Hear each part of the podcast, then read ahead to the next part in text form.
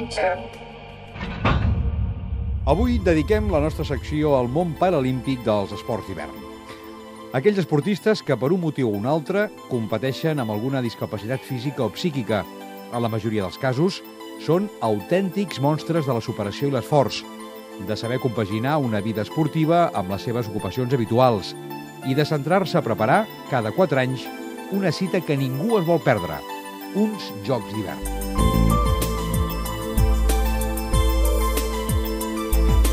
Per elaborar aquest reportatge he quedat amb un referent de l'esquí alpí català.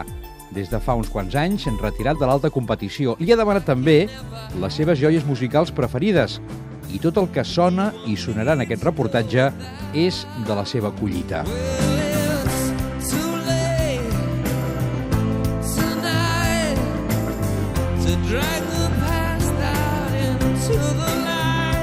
Ha anat a tres Jocs Paralímpics d'hivern, Nagano 98, Salt Lake City 2002 i Turí 2006. El botí és senzillament impressionant. 5 medalles d'or, 3 de plata i una de bronze, a més de diverses victòries a les Copes del Món. I sobretot i més enllà dels metalls que s'ha penjat al coll, hi ha un component d'implicació i superació constants.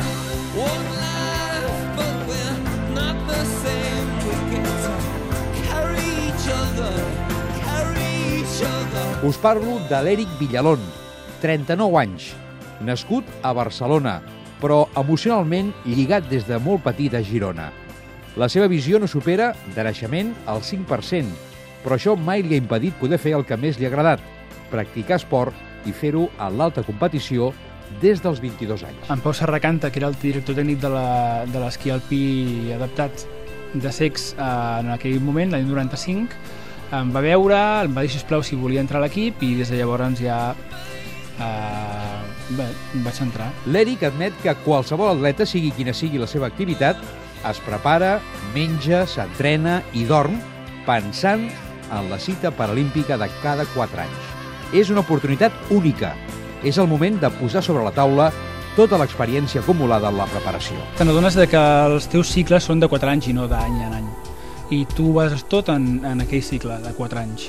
La teva preparació va oscil·lant amunt i avall, en estats anímics, a, a estats físics, però realment sempre hi ha l'ull posat en, en Jocs Paralímpics. L'esquí alpí ha estat la seva vida. A més de les tres cites paralímpiques, l'Eric Villalón pot presumir d'haver estat un referent també a les Copes del Món i d'Europa i als Campionats del Món. En total, 8 medalles d'or, 7 de plata i 5 de bronze. Unes medalles que no pot deixar de compartir amb els guies amb qui ha competit. Una figura necessària i clau en el món paralímpic. És clau. No, no, és clau. És absolutament clau. Sense el guia nosaltres no faríem esport.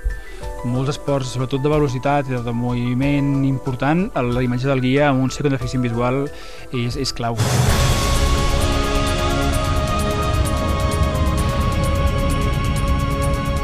Més enllà del suport del guia, dels entrenadors i dels mateixos companys d'aventura, els esports d'hivern per a discapacitats tenen altres condicionants que fan augmentar la dificultat del seu aprenentatge. Les sinergies amb el món olímpic no són les mateixes i cal una feina extra de superació personal. Nosaltres no mai podríem estar al nivell d'uns olímpics, però per una condició molt fàcil, és a dir, perquè les nostres limitacions sobretot ens, ens limiten molt el mimetisme o el copiar, som, som monos de repetició l'ésser humà és un mono de repetició. I, i per exemple a nivell de fins visuals i sex eh, aquesta, aquest mimetisme és, és nul o gairebé nul. I l'accés la, la, la via, al canal d'aprenentatge el canal d'entrada d'aprenentatge és, és restringit. I t'has de fer molta repetició i molta entesa i molt treball interior i, i, i t'hi has de posar molt.